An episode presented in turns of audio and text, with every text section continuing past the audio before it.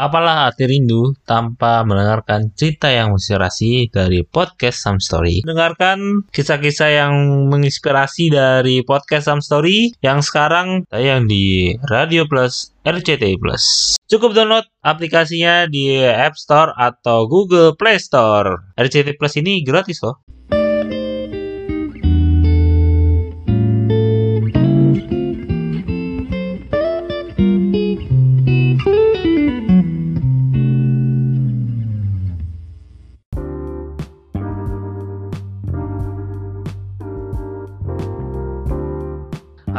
Balik lagi di podcast Some Story, 10 cerita inspirasi barengan gue Adam. Di episode kali ini gue mungkin biasanya ditemani oleh co-host gitu ya. Co-host yang biasa nemenin gue lagi sibuk, jadi gue bakal bawa ini sendiri nih kali ini. Tapi tenang aja, gue bakal biasa nemenin kalian nih yang mungkin bingung mau ke mana atau di rumah aja malam mingguan gitu ya. Mending dengerin podcast Some Story barengan gue. Nah, di episode kali ini gue pengen bahas olahraga yang sebenarnya udah gak asing lagi lah. Nah, mungkin lo uh, di Indonesia tahu kalau misalkan yang populer ada sepak bola, badminton. Nah, kali ini gue juga pengen bahas sesuatu juga yang orang banyak tahu sih harusnya populer banget di olahraga seputar basket ya, dunia basket. Di episode kali ini gue gak bakal sendiri ngebahas itu karena gue kedatangan dua gestar yang luar biasa nih. Satunya mungkin sudah tidak aktif sebagai pemain tapi punya pengalaman banyak pengalaman di dunia basket dan juga satu lagi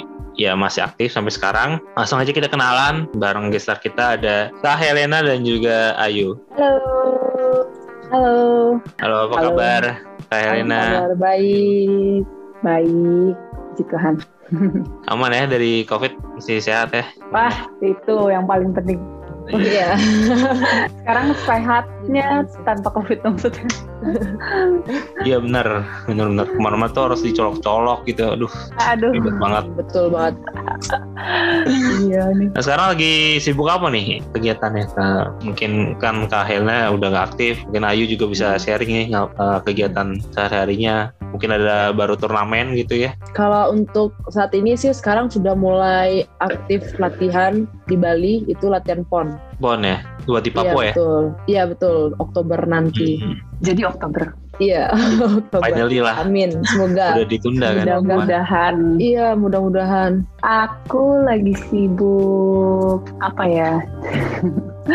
Aku sekarang bekerja oh, iya. uh, di salah satu stasiun TV di Indonesia. Hmm. Jadi sebenarnya kegiatannya ya kerja dan berjuang tidak kena covid. Loh gitu. Itu juga perlu emang perlu. Iya enggak. Kegiatannya kerja sama ya paling kalau misal aku lebih aktif di kegiatan gereja gitu. Hmm oke okay, hmm. okay. awal karir untuk masuk ke dunia basket tuh gimana sih? Um, awal mulai di karir basket itu karena kakak sih sebenarnya. Jadi hmm. waktu itu masih SD terus nontonin kakak lagi tanding terus pas nonton tuh diajakin bapak wah ternyata seru banget pas dilihat kakak lagi tanding keren gitu basket nah dari situ mulai tertarik sama basket dan mulai belajar basket itu SMP karena waktu SD tuh nggak ada ekskul basket, adanya tari. Jadi waktu SD tuh hmm. menggeluti tari. Pas SMP baru deh mulai basket, kayak gitu. Ya emang kalau kamu berarti di Bali ya berarti ya? Iya betul di Bali. Hmm. Hmm. Emang kayaknya kalau Bali tuh kalau nggak nari kayaknya nggak afdol wajib, gitu. Wajib. Iya betul betul wajib tari. Pasti kalau orang Bali pasti bisa nari. Kalau aku uh, awal karirku sih awal kenal basket kali ya itu waktu SD. Hmm, hmm. Waktu SD lagi pelajaran sekolah gitu sih. Jadi bener-bener baru tahu basket tuh di situ dan langsung jatuh cinta sih kayak nggak ada intro apa apa langsung ke udah deh mulai dari situ jalan terus sempet sih berhenti tapi akhirnya tetap terus berjalan kalau ditanya awal karir mungkin uh, yang membuat aku tetap terus di basket sih SMP kali ya. Kenapa tuh kak? Uh, pas SMP ada cowok-cowok ganteng atau? Waduh. biasa gitu ya anak basket cowok, aduh dia cantik cantik kalau cewek kalau cowok. Kebetulan dulu aku tuh tomboy banget. Maksudnya aku bener Hmm. tomboy itu yang potong rambut pendek banget kayak cowok waktu SMP Hmm. jadi kayak ya cowok keren keren aja gitu biasa aja gitu. Karena mungkin pikirannya cuma buat "Ya, cara mau main basket aja gitu. Mungkin titik awal mulanya adalah ketika aku ikut klub terus klubnya waktu itu 14 tahun ada kejuaraan nasional gitu. Dan di situ aku juara dan dapat prestasi gitu sebagai pemain terbaik. Jadi mulai dari situ orang tua aku kayak oke kalau kamu mau main basket terus jadi awal mulanya Hmm, mungkin kan dari Ayu pun maupun eh, Kak Helena kan eh, berarti ikut klub kan ya. Mungkin selama main gitu dari yang paling berpengaruh gitu di coach eh, atau orang tua, teman gitu yang mempengaruhi kayak performa dari dan juga Ayu gitu pas main. Kalau kayak misalkan ada pengaruh itu kayak apa sih? Kalau Ayu sih ada sih pengaruh kayak dari orang tua Ayu juga, dari orang tuanya Ayu. Kalau setiap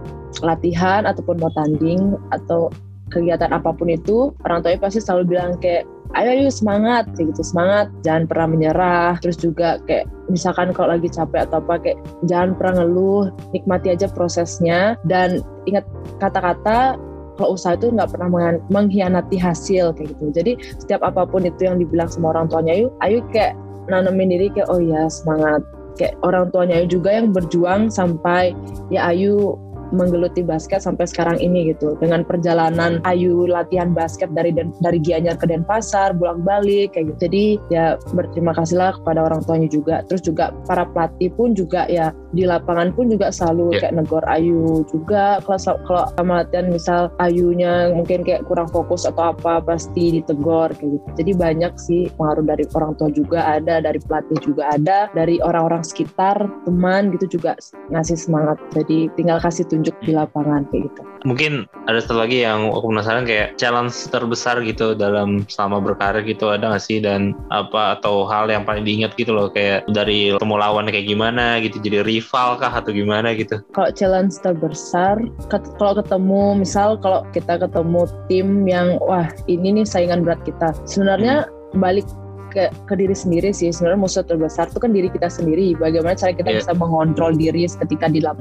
di dalam lapangan gitu. Terus juga kayak kalau udah kayak gitu jadi ingat apa ingat target juga sih. Jadi kayak jangan sampai pikiran kita kayak wah rival nih mau em, sama tim ini. Wah saingan kita nih. Jangan sampai pikiran kita kayak gitu yang buat kita nggak fokus buat performa di dalam lapangan kayak gitu. Hmm, oke oke. Heeh. Pengaruh terbesar Pengaruh, aku iya. ya, pasti orang tua sih yang pertama ya Hmm. nomor satu karena ya sama kayak Ayu mereka yang dukung aku dari awal mula basket kalau tanpa orang tua yang mendukung sih agak sulit ya bukan berarti Hmm. nggak bisa ya mungkin ada yang mulanya nggak didukung ada tapi kalau untuk aku bersyukur punya orang tua yang sangat mendukung gitu Hmm. dan kalau misalnya dari awal mulai pasti orang tua gitu. Tapi berjalannya waktu pasti dukungan juga dari pelatih juga pasti. Pelatih Iya. itu sangat berpengaruh banget gitu. Bahkan sepanjang aku bermain basket kan berganti-ganti pelatih gitu. Jadi memang setiap pelatih punya caranya masing-masing tapi biar yang baik kita ambil juga gitu. Jadi jadi bekal kita untuk terus maju. Karena kan kita kan ya kalau kita sama pelatih SMP ya udah pelatih SMP eh, teorinya SMP kalau naik SMA kuliah apalagi profesional pasti kan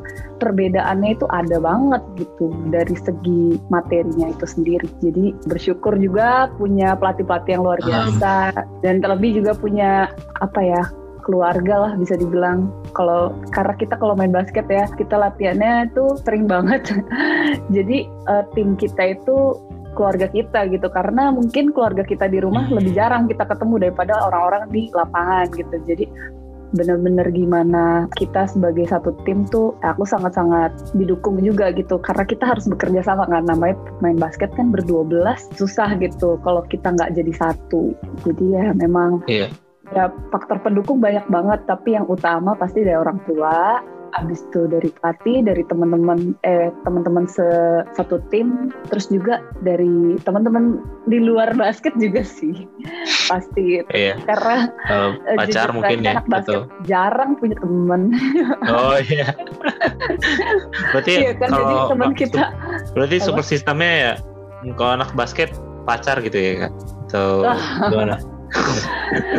support system itu kok jangan jangan pacar. Kalau nggak punya pacar gimana? Oh iya. Tapi kalau misalnya punya pacar yang mendukung itu sangat baik juga gitu. Jangan sampai tapi pacarnya itu toxic terus udah gitu banyak posesif gitu kan oh iya jadinya jadinya malah kita terhambat gitu cuman apa hmm. namanya iya bener sih temen support system kita yaitu keluarga hmm. pelatih tim satu tim dan ya teman di luar basket sih. Challenge terbesar tuh iya bener banget sih kata Ayu tuh, setuju. Ibaratnya pelatihku tuh selalu bilang jangan sampai lawan kamu tuh berubah jadi 6. Karena kan kita kalau basket kan 5 on 5 ya. Kebetulan aku mainnya 5 hmm. on 5 jadi jangan sampai 6 karena harus ngelawan diri kita sendiri gitu lawan aja udah berat ini lawan diri tambah diri kita sendiri tuh bakalan kayak chaos sih karena pernah juga gagal ngelawan diri sendiri pernah gitu akhirnya ya hasilnya juga nggak jadi nggak memuaskan gitu challenge terbesar ya memang mentalitas terhadap diri sendiri sih untuk ya? berkata ya? kalau uh -uh, karena kalau kita mentalnya nggak kuat aduh itu sulit banget gitu. Kalau misalnya kita punya tim yang emang bagus banget ya mungkin beda ya ya. Kalau yeah. misalnya timnya nih berdua belas bener-bener semua semua posisinya baik kondisinya gitu itu akan baik gitu. Tapi kalau misalnya kita punya tim yang sering banget ya bukan sering banget ya dulu misalnya di dibilangnya underdog gitu. Jadi kayak banyak bukan cuman challenge dari dari di kita tapi gimana orang-orang di luar tuh kayak udah ngecilin kita terus kayak nganggep kita ah udah pasti kalah gitu-gitu. Dan itu challenge-challenge tersendiri sih cuman paling seru hmm. kalau buat aku challenge itu naik kelas gitu. Kenapa? Karena challenge itu dari yang tadi aku bilang dari ketika aku masuk pro ketika aku pindah tim ketika ketemu teammate baru kayak naik terus nggak pernah makin gampang gitu. Terlebih ketika sebagai pemain kena cedera. Nah itu juga challenge lagi tuh. Jadi challenge ada banyak banget kalau bisa ditanya. Cuman yang harus kita kontrol lebih dahulu dari diri kita sendiri gitu. Paling lama cedera berapa lama tuh mungkin dari Ayu atau Kak Herina pernah ngalamin yang lama banget ke atau hampir frustasi gitu kayak aduh udah gue pensiun aja lah gitu. pernah gak sih? ya banyak kan pemain bola gitu juga kan Untungnya enggak, ya? sih. Ya enggak sampai frustasi. Iya, enggak sampai enggak sampai uh, udahlah. Uh, sampai nyerah. untungnya masih punya kesempatan sih hmm, betul banget. Ngomongin lagi soal kayak permainan gitu ya. Nah, biasanya tuh pemain basket punya filosofi untuk kayak menangin match gitu. Uh, olahraga apa pun mungkin punya filosofi tersendiri gitu ya. Punya gaya main lah. Nah dari Kalena atau Ayu gitu ada nggak sih apa kayak strategi khusus gitu trik-trik misalkan? Boleh share juga nih uh, posisi di pas main basket tuh apa gitu kan? Karena aku pribadi ketika aku nonton NBA gitu dulu uh, maupun aku punya kayak terlalu ikutin banget cuman aku suka buat uh, pemain yang suka bisa bisa apa namanya three point atau yang jago ngedang-ngedang gitu kan ada oh. apa kompetisi yang ngedang gitu tersendiri kan kalau yeah, iya. misalkan yeah. NBA final yeah. filosofi ya hmm. Hmm, eh, yang tadi Ayu bilang kalau hasil tuh nggak akan mengkhianati proses yeah. itu itu yeah. yang yang salah satu yang aku pegang tapi di terakhir di terakhir um, karir basketku tuh dengan pelatih terakhirku tuh dia tuh emang unik gitu dan dia punya filosofi bahwa cara kamu bermain basket itu cara kamu hidup dan hmm. kayak sebelumnya tuh kayak nggak pernah kepikiran gitu karena kayak ah apa sih ini coach awalnya tuh kayak ah, maksudnya apa sih coach? Gitu kan. Tapi ternyata jadi dia bilang kalau kamu nggak disiplin di hidup kamu nggak akan disiplin di basket. Jadi dia tuh benar-benar menerapkan gimana kita hidup tuh mempengaruhi tuh permainan basket kamu gitu. Dan dan aku benar-benar setelah tiga tahun bersama gitu baru sadar oh iya tuh ternyata benar juga ya jadi gimana cara kita berkomunikasi di luar, gimana kita bisa menghargai orang lain di luar, itu akan hmm. berpengaruh gimana cara kamu bermain basket di dalam. Gitu. Mungkin nggak secara langsung karena nggak ngomongin skill gitu nggak, tapi lebih ke karakter. Gitu. Dan si Atulan sih uh, tinggal sih emang karena nggak terlalu tinggi banget, jadi dan oh, iya. kecil iya. banget kurus. Aku bagian shooting guard itu posisi tiga biasanya. Gitu. Kalau trik-trik trik apa ya? Trik nembak. trik iya, mungkin kalau di bola kan bisa salto-salto atau gocek gitu. um, kalau misalnya aku triknya apa ya? Nembak aja yang bener. Oh iya. Kalau aku Eh, gitu kalau misalnya aku sih. mungkin juga share- bisa sharing juga kayak kiblat mainnya kayak eh, aku suka banget pemain kayak Kobe, terus Ray Allen, terus lagi ya agak Stephen Curry gitu, Stephen Curry ya. Nah, Kalau aku sih jujur aja aku tuh bukan penonton basket, aku tuh Iya. pelaku basket. Jadi kalau nonton tuh kurang suka sebenarnya gitu. Tapi hmm, karena coach yang terakhir ini mewajibkan nonton mulu, karena ternyata kata dia nonton itu bagian daripada belajar gitu. Jadi hmm. Eh, aku juga baru ngikutin NBA itu ya lim- lima tahun terakhir mungkin dan ya kalau misalnya secara umum kalau orang tanya kalau nggak Shaquille O'Neal, Michael Jordan atau Kobe Bryant gitu ya Mhm. cuman kalau buat aku mungkin dibilang amatir penonton gitu ya Stephen Curry karena dia tuh menurut aku udah kecil dia tuh jago banget nembaknya gitu maksudnya dia kan gak terlalu Mhm. tinggi banget gitu tapi Iya. kayak wah three pointnya nggak ada obat gitu Sama- Gak cuma three point sih dia juga bisa lay, layup yang Oh bagus juga iya ya. itu itu Iya. pasti. Cuma Iya. three point-nya itu spesial gitu. Kalau misalnya dia kan kalau kalian lihat pasti kan pemain yang lain juga bisa three point tapi dia Hmm. tuh melebihi biasanya gitu. Iya. Aku sih suka Stephen Curry sama Kevin Durant karena Kevin Durant udah tinggi Durant, ya? banget tapi lincah banget dah. Bingung aku gitu. Jadi kayak apalagi nih sedih sih dia baru kalah tadi cuman nggak apa-apa. Dia Iya. abis cedera tapi masih keren banget mainnya. Aduh, caw. Kalau dari aku gitu ya, coba dari Iya. lagi mungkin. Kalau dari Ayu sih setuju juga apa yang dibilang sama Kak Helena. Apalagi juga ya Ayu nerapin juga kalau semua uh, usaha yang dilaluin itu ya nggak nggak akan mengkhianati prosesnya. Jadi kayak Hmm. dinikmatilah prosesnya itu gitu. Terus juga apalagi setuju juga apa yang dibilang Kak Helena kalau kita juga uh, harus disiplin juga. Jadi kayak hal-hal kecil yang ada di dalam lapangan maupun di luar lapangan itu juga sangat-sangat berpengaruh di uh, baik di kehidupan kita atau enggak di uh, sama kita bermain basket juga gitu. Itu sih. Terus juga kalau untuk apa yang kedua yang kedua yang tentang trik itu ya kalau Ayu Hmm. uh, di main basket itu posisi power forward.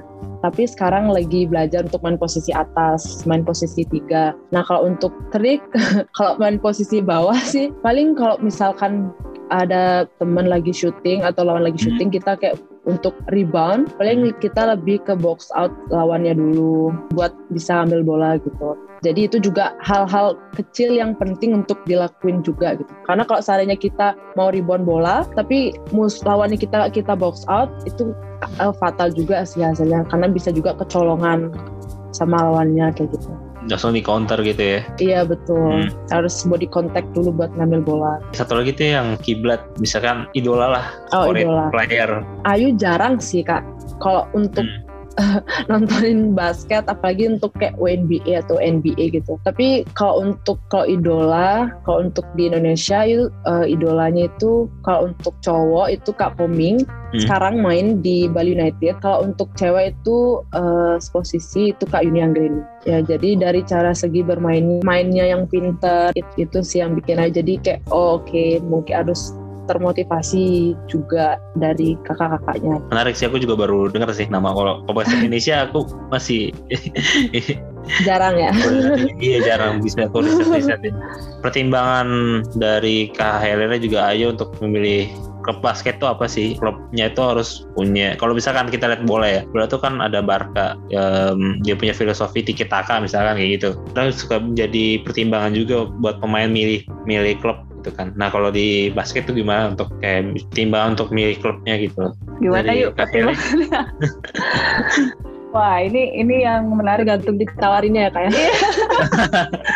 ini loh kita tuh bukan ada di satu eh, cabang yang punya banyak banget klub dan kayak klubnya itu memadahi gitu jadi Oh iya. kalau ditanya ya bersyukur ya mungkin kita Ayu aku sama Ayu punya klub yang bisa mem- apa mendukung kita gitu dari Iya segi betul. dalam lapangan di luar lapangan gitu tapi ada Mm. banyak juga klub yang ya pokoknya main untuk karena cinta sama basket gitu loh jadi kayak Iya betul. kalau ditanya apa maunya sih klub yang ya ya yang, Iya, yang bisa betul. kita yang bisa Mm. gaji kita gitu Iya. yang bisa kasih fasilitas yang baik kalau ditanya Mm. maunya mah itu ya cuman Mm-mm. Kembali lagi kalau ke ke pemain basket putri ya kalau Ayu kan mungkin kan dicari-cari gitu ya tapi Ah, kalau misalnya orang-orang juga kakak. Orang-orang yang mau milih tim itu di karena kita yang dicari jadi ya kadang-kadang ya bersyukur kalau di ditawarin oleh tim yang baik ya gitu jadi kita masih belum bisa milih sih kalau untuk biasanya kecuali memang udah prestasinya melejit. Hmm. Tuh, ya, itu betul. pendapat aku ya sebagai yang udah udah ya. Ayu punya pendapat lain. itu sih sama juga sama pendapatnya Kylie karena ya mungkin juga klub di Indonesia pun juga nggak begitu banyak. Terus kalau ditunggu kita ditawarin baru kita bisa kayak dapat klub. Paling kalau untuk memilih klub ya ya benar juga maksudnya kayak kita, kita ditawari bersyukurnya juga kita ditawarin dengan dapatnya fasilitas digaji terus juga dari segi kontraknya mungkin dipertanggungjawabkan kalau seandainya kita ada cedera atau apa kita di segera ditangani. Nah itu. Itu jadi gimana kak Ele? Betul? Bener yuk bener. Betul ya seperti itu kak. Ya mudah-mudahan nih uh, ya mudah-mudahan nih uh, pemilik klub-klub basket di Indonesia ada yang denger nih ya. Terus uh, kita ini stereotip doang sih kayak ada ahli olahraga yang mengatakan kalau basket itu orangnya yang gerakannya itu kompleks terus banyak aturannya. Itu gimana sih? Ada ada juga apa sih ya pernah juga uh, ngobrol sama Kak Augie Fantinus juga kan? Katanya ada juga hmm, peraturan yang update berubah gitu. Kalau itu gimana sih ininya? Misalkan sebagai pemain untuk kayak nerapinnya gitu loh. Kalau bisa ada peraturan baru gitu. Kalau dari aku sih kita kan kiblatnya FIBA ya untuk dunia gitu. Jadi untuk setiap yeah. peraturan yang berubah memang datangnya dari FIBA. Dan kalau kita ngomongin peraturan kita nggak bisa ngapa-ngapain selain mengikuti ya nggak sih? Gitu. Ya yeah, betul betul. kalau misalnya dari aku gimana kita cara apa ya nerapin perubahan gitu kali ya? Ya dengan dijalanin aja nggak sih Iya betul. Mungkin lebih ke tepatnya lebih cepat beradaptasi sama peraturannya kak ya. Iya bener sih. Karena ya apalagi kalau uh, kalau ditanya basket itu kompleks itu sangat kompleks gitu. Sangat Karena kompleks gitu betul. Secara kategori, iya secara kategori aja basket itu masuk olahraga yang high impact gitu. Kalau high impact adalah olahraga yang sangat keras. Kenapa? Karena hmm. apalagi basket ya um, menggunakan body contact. menggunakan kaki, kaki, body contact, menggunakan ya, otak. Benar gitu. banget. Kalau bola mungkin kaki doang gitu. Kalau misalnya bulu tangkis tinggal gitu kan, nggak body ya, contact tangan. ya. Iya. Kaki juga, iya betul. Iya, yeah, kalau basket tuh bener-bener kompleks banget sih secara uh, kita cara bermainnya dan juga kalau ngomongin peraturan ya peraturan mah dijalanin aja tapi kalau secara kompleksitas emang kompleks. Karena kita kecil, ada tuh yang pernah ngomong kayak aduh nonton basket pusing kayak kanan kiri kanan kiri kanan kiri gitu ya cepet gitu. kalau bola mungkin lempar gitu ya lapangan. Yeah jadi kalau kalau kita sih ya memang begitu adanya emang high impact emang kompleks tapi ya menarik ya Ayu ya. Iya betul banget kak. ya kalau dari Ayu sih mungkin kalau untuk peraturan yang berubah-ubah kayak gitu kita sebagai pemain mungkin ya menjalani peraturan sesuai dengan yang sudah diterapkan oleh FIBA sih. Jadi lebih cepat mungkin untuk beradaptasi. Apalagi mungkin Ayu kemarin kan kayak main di 3 juga karena peraturan di 3 dan lima di 50-an 5 itu kan beda gitu kan. Iya betul. Hmm. Dari segi waktunya juga beda, set clocknya, terus juga pemain yang ada di dalam lapangan juga beda kayak gitu. Dan peraturannya pun juga, beda. juga beda. Tingkat kekerasannya juga lebih keras iya, betul. pada five on five. betul betul sekali kak. Nah itu terus juga ya kalau dibilang kompleks, kalau basket ya sangat kompleks. Benar yang apa yang dibilang sama Kak Elena tadi. Karena selain kita pakai tangan, pakai kaki juga kita kayak pakai body contact keras juga kayak gitu. Hmm sangat kompleks tuh. Menarik sih jadinya ya kalau emang suka sih kayaknya emang ya kayaknya jalanin aja kali ya. Iya betul. Ini udah passion. Iya. Uh, dijelasin sih kalau ditanya kenapa Iya. Secinta itu sama basket. Sebenarnya basket itu lumayan populer kan di Indonesia, tapi dibilang kita menduduki ya istilahnya kalau dalam peringkat olahraga tadi boxing di awal Nah, pertama ada sepak bola, badminton, ya mungkin terus juga ada, ada volley, uh, terus terus basket gitu kan. Tapi kayak uh, kenapa sih basket kita tuh kurang bersaing di dunia internasional gitu. Terus tadi sempat juga ngobrol sama mantan manajer timnas putri kita paling tinggi kita di SEA Games itu perak ya. Nah, nah itu gimana sih kak? Kalau bisa dibilang nih dari segi olahraga nih, basket itu eksklusif. Kenapa? Ui. Karena nih, kalau misalnya kamu bisa lihat, badminton bisa main di mana aja ya, tinggal taruh aja.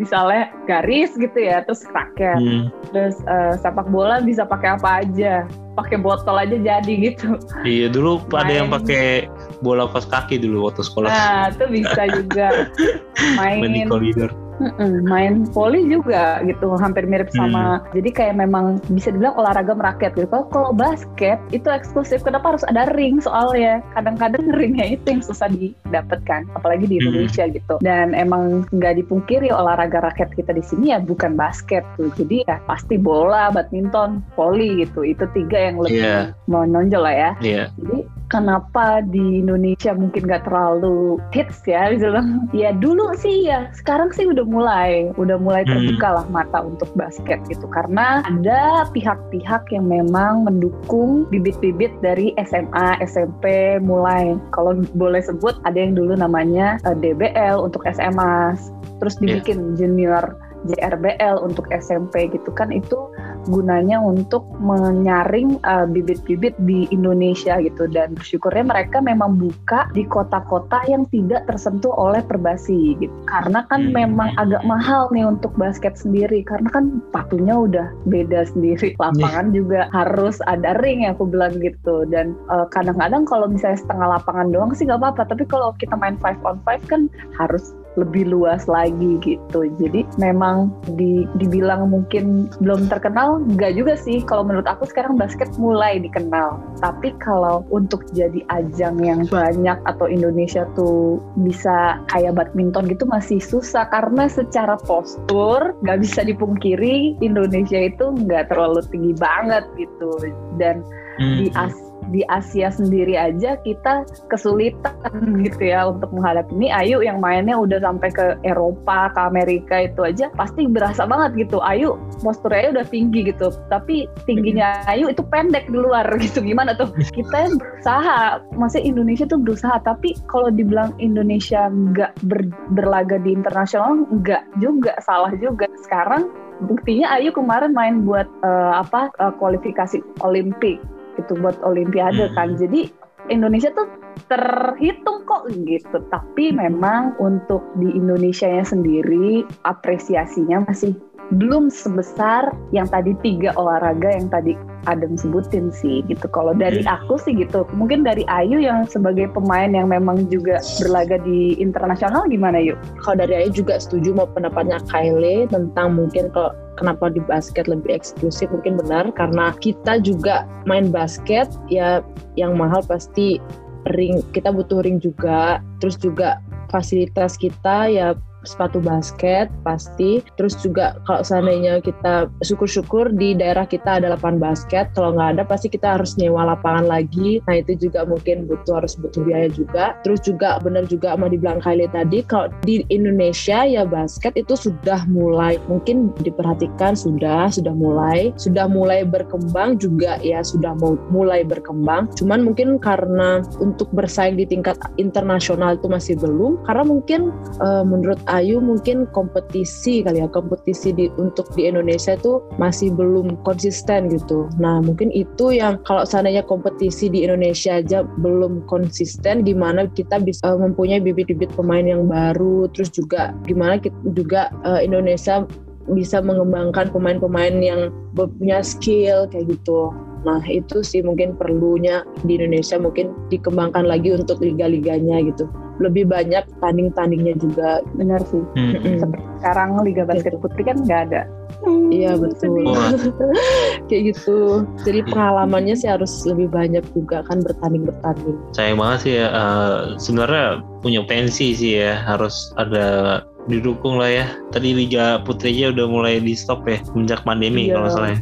Iya betul. Hmm. Kita tuh dari SD kan udah mungkin tau lah ada pelajaran basket kan di pelajaran olahraga gitu kan. Kayak ya kita belajar basic-basic. Tapi melihat ada kurangnya dorongan uh, olahraga basket menurut Kak dan juga Ayu apa sih yang kurang gitu kan dari dari sisi pemerintah lah yang harus dibantu gitu kan. Tadi Liga Putri aja gak ada gitu kan. Betul harus di istilahnya di soal lah. Apresiasi sih seperti yang aku bilang gitu. Apresiasi, hmm, apresiasi daripada pemerintah pemerintah daerah gitu hmm. untuk ya meng, membantu sih memfasilitasi para pemain-pemainnya gitu karena jujur aja aku sebagai pemain yang udah non aktif ya kita itu berdiri atas orang-orang yang memang kita bisa berdiri lagi, bangkit lagi itu karena dukungan orang-orang yang gila basket gitu. Jadi ada hmm. owner-owner yang gila basket yang mau Liga Putri ini jalan gitu. Iya betul betul. Dan jadi dari pemerintahnya itu sebenarnya uh, kurang gitu. Jadi nggak tahu ya, iya bener ya. Jadi yeah. kayak uh, untuk kita Liga kompetisi Indonesia-nya aja itu bergantung pada orang-orang yang gila basket gitu yang mau bikin basket ini ada. Dan menurut aku sih apresiasi dari pemerintahnya mungkin ya kalau hmm. bisa lebih difasilitasi untuk pemain-pemain dan ya pembinaan ya. Seperti sekarang gitu liga basket uh, putri nggak ada. Kenapa? Karena nggak orang gila yang mau bantu kurang mungkin ya. Iya betul. Liga putra hmm. ya mungkin berbeda ya. Karena banyak sponsor. industri, mm -mm, secara industri basket putri itu masih belum ibaratnya menguntungkan gitu ya bisa dibilang mungkin. Kalau liga putra itu udah bisa menjual sesuatu hal gitu. Jadi memang dari segi kalau ditanya basket putra sih mungkin masih lebih beruntung daripada basket putri gitu. Jadi kalau dari aku sih menurut aku ya eh, berharap pemerintah pusat ya mau bantu juga buat basket putri ini karena sedih gitu. Aku kan udah non aktif ya,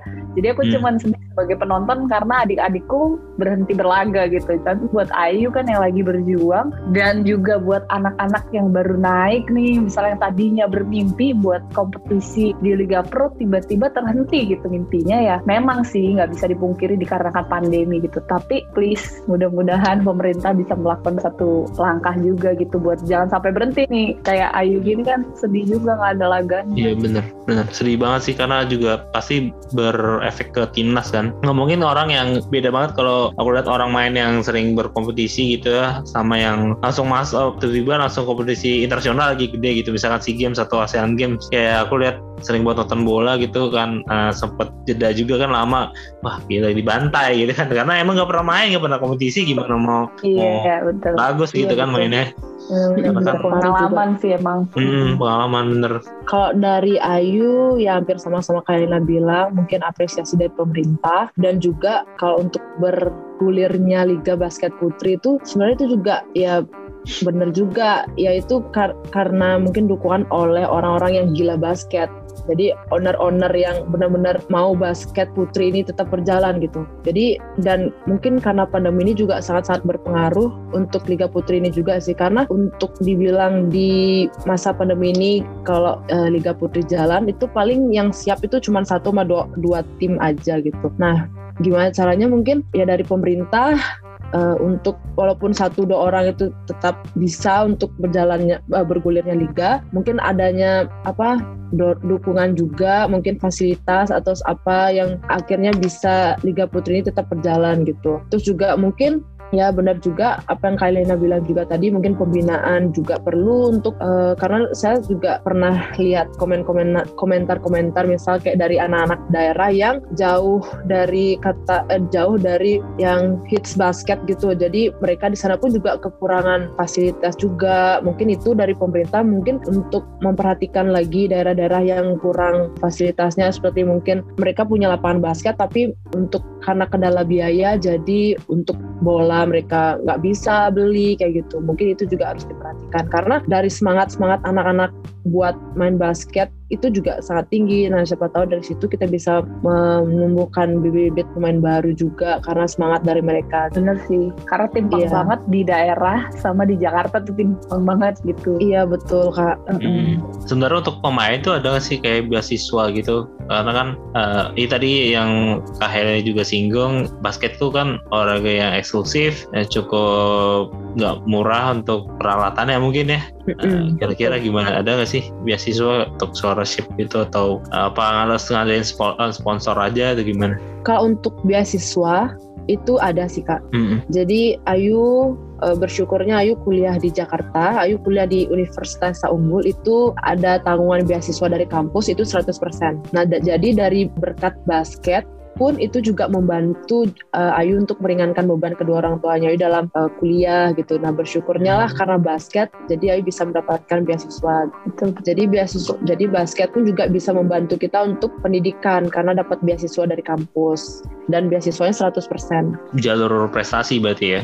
Uh, Betul, mas... jalur prestasi. Hmm. Helena pun juga sama, ya kan kak? Iya. Bahkan aku dari SMA sih, SMA aku udah dapet bebas uang pangkal karena prestasi basket. Walaupun sekolahnya bukan sekolah basket ya, cuman dapet prestasi karena prestasi basket, jadi bebas uang pangkal, masuk kuliah juga. Itu aku kuliahnya berpindah. Yang pertama dapet juga beasiswa uh, keringanan uang masuk dan pas pindah ke satu uh, kampus yang terakhir aku lulus itu dapat bebas, ah, maksudnya tidak ada biaya yang harus aku bayar gitu untuk kuliah. Jadi mungkin selama jadi atlet tuh ada dukungan-dukungan yang sangat baik gitu. Tapi mungkin kalau untuk terus menjadi atlet harus dipikirkan. betul, betul, iya, iya. betul. Harus mikir yeah. masa depan juga ya. Betul. Ini tanya fun fact sih uh, dari program dari aku nih. Uh, di Indonesia tuh apa ya sering berlaku kayak katanya tuh girls love uh, basket players. Kalau di Twitter juga banyak yang ciwi-ciwi bilang kalau kenapa sih cowok kalau main basket gantengnya nambah uh, berkali-kali lipat gitu kan? Atau cowoknya bilang cewek yang main basket tuh ya idaman banget lah. Nah aku pengen tahu nih dari pendapat kakak uh, Helena dan juga Ayu gitu ya tentang hal ini sebenarnya emang teleponnya kayak gitu gak sih? Atau jadi booster kalian gitu ya? Ayo, ayo dulu, ayo. Ayo dulu. um, gak tahu ya kak. uh, kalau um, tapi ya kalau dibilang misal kalau ngelihat cowok basket itu di dalam lapangan tuh kayak ya emang karismanya beda gitu sih kak. Hmm. Apalagi kalau misalnya cowok itu kayak mainnya jago banget terus ganteng, um, aduh ganteng lagi. terus mungkin karena kayak terus kayak rambutnya yang rambut habis keringat basah, eh, rambut Waduh. yang keringetan basah, waduh, damage-nya beda sih kak. Udah mendescribe tipenya Ayu ya, hey guys Aduh, yang yang ternyata berminat kalau bukan anak basket habis main keringetan mending mundur enggak enggak. Tapi ya itu sih kak.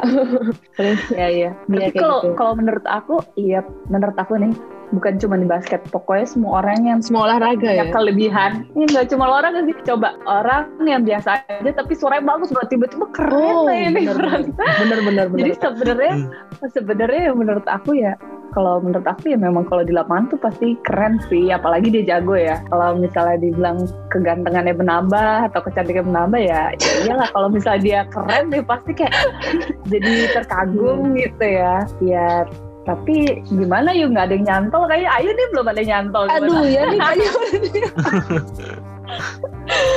kalau dibilang keren, iya seneng gitu. Soalnya iya, basket tuh keren gitu badannya. Maksudnya kayak emang kan kita terjaga gitu ya. Jadi ya keren-keren gitu.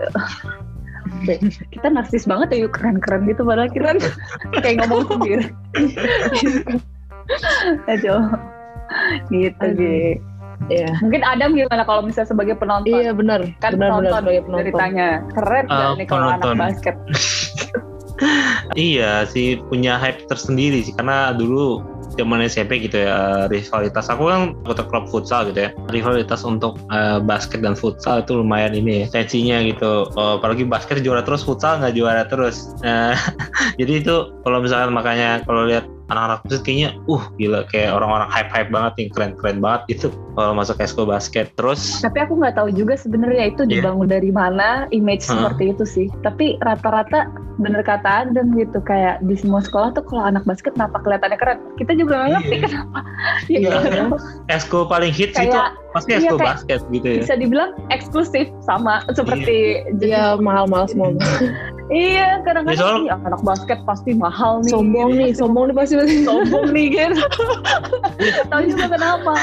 Iya soalnya kalau bener, eh, anak basket jalan gitu kan ketemu pas lagi pakai seragam lengkap pasti dari bawahnya itu udah mahal gitu kan. Pas lagi oh udah gitu. Dari bawahnya itu. Dari udah bawahnya mahal. aja udah bawahnya mahal. yang mahal. oh gitu Aduh. Iya iya iya iya. Lanjut Nah. lanjut.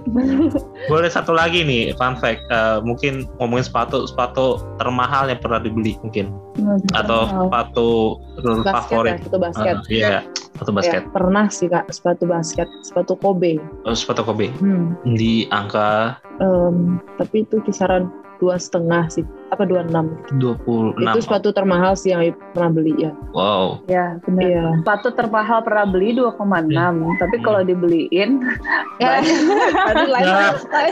kalau beli sendiri iya bener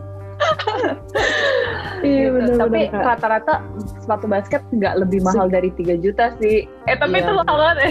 Angkanya sih aku sih dua setengah ya. Kalau Ayu, Ayu dua setengah juga. Itu sih Iya. paling mahal gitu. Tapi ya kegunaannya sama aja sih.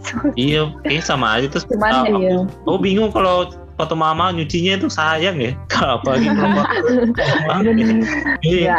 banyak yang jadi Tapi pajangan aja.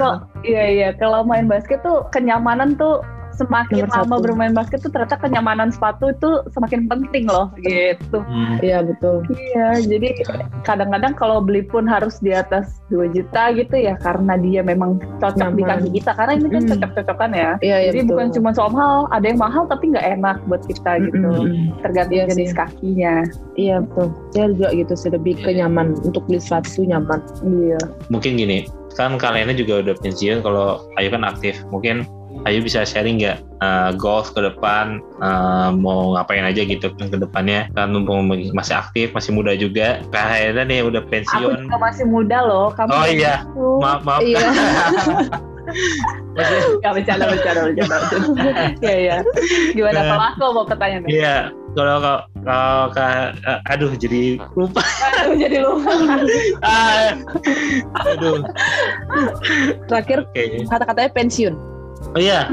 Eh, kalau kalian kan udah pensiun gitu kan. Nah, goals ke depannya apa nih setelah jadi after jadi atlet? Mungkin kan bisa sharing eh, ngapain aja selain mungkin kan udah kerja nih terus nextnya apa? Gitu. Nikah kah atau apa kah gitu? Gimana? Kalau Ayu sih, kalau dibilang goal, targetnya banyak sih kak. Mungkin untuk saat ini Ayu ya targetnya bisa bawa nama Bali di PON nanti dapat medali, amin. Terus juga amin amin ya juga bisa membela nama Indonesia lagi di SEA Games tahun ini. Terus bisa Amin. juga untuk Amin. memberikan medali untuk Indonesia. Amin. mas ya mas amin Amin. Ah, Indonesia belum pernah Iya. dapat mas harus dong Iya betul kak. Amin. Amin amin. Ya itu sih kak. Jadi karena target-target yang itu yang bikin Ayu makin semangat sih. Jadi kalau seandainya mungkin Ayu ngerasa kayak aduh atau capek atau udah mulai jenuh. Ya jenuh enggak sih. Mungkin lebih ke tepatnya kayak setelah latihan kayak latihannya berat atau capek ngerasa badannya ya karena target yang Ayu punya jadi pikir kayak oh ya nggak boleh lah. Mindsetnya harus dirubah gitu. Dari yang capek langsung kayak oke semangat lagi Ayu. Bangkit lagi Ayu kayak gitu. Karena untuk capai target yang Ayu bilang tadi tuh ya nggak mudah. Harus butuh kerja keras butuh usaha supaya bisa mencapai target itu oke karena juga belajar dari kegagalan-kegagalan kemarin juga gitu. Iya. Dikasih target tinggi tapi nggak mencapai itu kecewa banget. Nah jadi gimana punya target tinggi dan mencapai itu ya mungkin Ayu harus kerja keras berkali-kali lipat lagi gitu. Oke, semangat terus ayo Makasih kak. gimana kalau dari Kak Hena nih Oh dari aku ya? Aduh, Iya. aku pengen sih sebut target basket aku nih, cuman udah nggak bisa ya. ya mungkin Apa eh, kak bisa sebutin? dorongkan ke Ayu gitu ya yang masih aktif oh iya benar. Kalau aku sih, kalau udah pensiun ya, memang rasanya sih sebenarnya nggak pengen pensiun sih. Kalau misalnya umurnya nggak makin nambah sih, maunya nggak pensiun ya. Cuman kalau buat aku goalsnya emang semakin bertambah umur, kita kan semakin berubah lah ya pemikirannya gitu. Yeah. Fase di mana Ayu ada ya memang Ayu ada di di posisi di mana dia bisa mencapai beberapa gol. Eh maksudnya bisa memilih beberapa gol. Kalau di aku sih kalau saat ini ya memang pada waktu itu memutuskan golnya adalah akhirnya untuk ya untuk hidup ke depan gitu. Jadi ya seperti sebelumnya aku bilang kalau aku mau bertahan jadi atlet ya nggak bisa berharap banyak ya. Jadi aku harus memutuskan gitu ngambil keputusan. Kebetulan juga memang mungkin posisiku bukan ada di posisi yang yang beruntung banget gitu. Maksudnya kalau misalnya aku punya badan tinggi gitu atau skill yang bener-bener uh, mumpuni mungkin beda. Tapi karena aku mungkin sosok aja gitu jadi aku emang harus ngambil keputusan. Dan waktu itu ya goal berikutnya adalah awalnya sih punya ini sih income yang baik aja gitu lebih baik gitu. Karena umur terus waktu itu mikirnya kalau aku main basket terus lagi nanti kalau kerja semakin lama umurnya semakin tambah tua gitu kan? Terus ya tiba-tiba kayak ngomongin umur ini. Oh iya. Hanya angka Benar. Iya. iya betul betul betul. Jiwa sih selalu muda gitu. Tapi Iya, umur betul. nggak bisa bohong ya. Jadi eh, mau aku punya juga goal untuk pengen coba kerja di kantoran gitu. Jadi memang Hmm. waktu itu goalnya adalah akhirnya pengen ah kerja di kantoran gitu. Dan eh, ya bersyukur tiba-tiba ada kantor yang mau manggil gitu. Padahal kita nggak punya Hmm. experience apa-apa ya. Dan goal berikutnya sih memang kalau buat aku pribadi ya memang menikah gitu jadi memang harus ada yang dikorbankan gitu untuk Hmm. untuk mencapai satu target gitu. Kalau aku pikirin cuma basket aja ya sebenarnya bisa aja sih, tapi ya akan di situ-situ aja gitu. Jadi aku harus berpikir satu level di atas itu untuk bisa Hmm. mencapai goal aku ya. Mau menikah, punya keluarga dan juga punya Hmm. income lebih baik gitu. Kalau kalau sebagai pensiun. kalau udah biasa di lapangan tuh pengennya kantoran ya justru aku tuh mager gitu kalau kerja kantoran Tapi ya Iya, memang sih gimana aku emang agak ini sih aku agak unik aja emang orangnya. gitu karena emang kebiasaannya banyak anak basket nggak suka di kantor. Tapi Karena aku diem terus ya, Kak? emang- Ya, tapi aku orangnya tuh memang pengen coba hal yang baru aja gitu. Maksudnya orangnya suka nyoba. Jadi pada waktu itu salah satu mimpiku juga kayak penasaran apa sih rasanya kerja di kantor gitu. Ternyata ya gimana ya kalau dibilang bosen sih iya sih. kalau Iya. dibanding basket ya iya iya. gitu karena kan eh, kalau menurut aku pas jadi mas anak basket tuh atau main di Liga Pro tuh kayak lagi jaya-jayanya aja. Soalnya tuh kerjaannya selain latihan latihannya kan kita suka. Udah gitu Hmm. dikasih uang lagi. Jadi kayak bahagia gitu. Ah, benar benar benar. Gitu ya mungkin ada orang kayak kenapa nggak jadi pelatih aja sih kak? Kenapa nggak jadi ini aja sih kak yang ada di sekitar basket? Gitu ya. Hmm. tapi aku mau coba biar aku bisa memperluas lingkupku juga sih. Jadi Hmm. emang susah banget keluar dari situ. Kayak nggak gampang. Tapi kalau buat ya akhirnya bisa lah bersyukur lah sampai Hmm. bisa bekerja gitu. Semangat kakak. Ah tapi juga. Kak Rena semangat nggak nggak berminat buka bisnis apa gitu? Eh, jualan kue? Nah itu tahu. masalahnya aku tuh nggak kurang kurang ini ya kurang apa ya kurang bisa kayak gitu jualan tuh kurang bisa. Hmm, iya kalau aku sekarang kerja Kerja sama aja, Kak. komputer. Kerja sama aja sama temennya yang bisa jago gitu bisnis gitu. Kita mah ide-ide terima duit aja gitu. Yang penting bisnis mah modalnya aja tapi tuh butuh juga kemauan gitu loh. Kalau Hmm. buat aku tuh bisnis kan bukan cuman soal ada modal apa enggak ya, Hmm. tapi kemauan orang ini untuk eh, kan secara nggak langsung kita marketing ya kan, Iya, jualin betul, gitu. Nah aku Hmm. tuh orangnya tuh agak pemalu-pemalu gitu, sukanya yang nggak kelihatan kelihatan gitu. Jadi Ah, kakak kayak kalau bisa di balik layar nggak kelihatan gitu, ya pilihnya di sini di situ aja gitu. Gitu sih kalau dari aku ya. Emang mungkin terakhir ya kak uh, Helena juga Ayu mungkin tips untuk pemain-pemain muda basket mungkin atau yang mungkin tadinya belum tertarik di basket terus dengerin podcast ini terus jadi tertarik pengen ngulik-ngulik itu ada saran nggak tips nggak atau quotes quotes mungkin nih kak Helena yang sangat punya pengalaman ini enggak Ayu juga pengalamannya banyak. oh iya Ayu juga banyak. Lebih banyak lebih senioran kak Elena mungkin kalau dari Ayu ya semangat terus mencapai impiannya. Jangan pernah menyerah jangan pernah putus asa. Kalau dengerin podcast kita dari awal kata-kata eh, mungkin usaha itu tidak pernah mengkhianati prosesnya. Jadi dinikmati prosesnya. Kalau Ayu selalu nanamin ini sih kalau ada ada pantun juga mungkin kita berakit-rakit ke hulu berenang ke tepian. Jadi apa pun itu yang kita jalanin susah maupun senang ya dinikmati saja prosesnya. Nanti pasti akan mencapai target yang diinginkan itu. Jadi jangan pernah putus asa. Selalu semangat. Tanemin juga karena semua orang itu juga ada kesempatan kalau orang itu berani mengambil tindakan. Jadi setiap kesempatan itu datang. Kalau nggak dicoba ya kita nggak tahu hasilnya gimana. Jadi harus berani juga ambil keputusan. Selalu semangat, jangan pernah menyerah.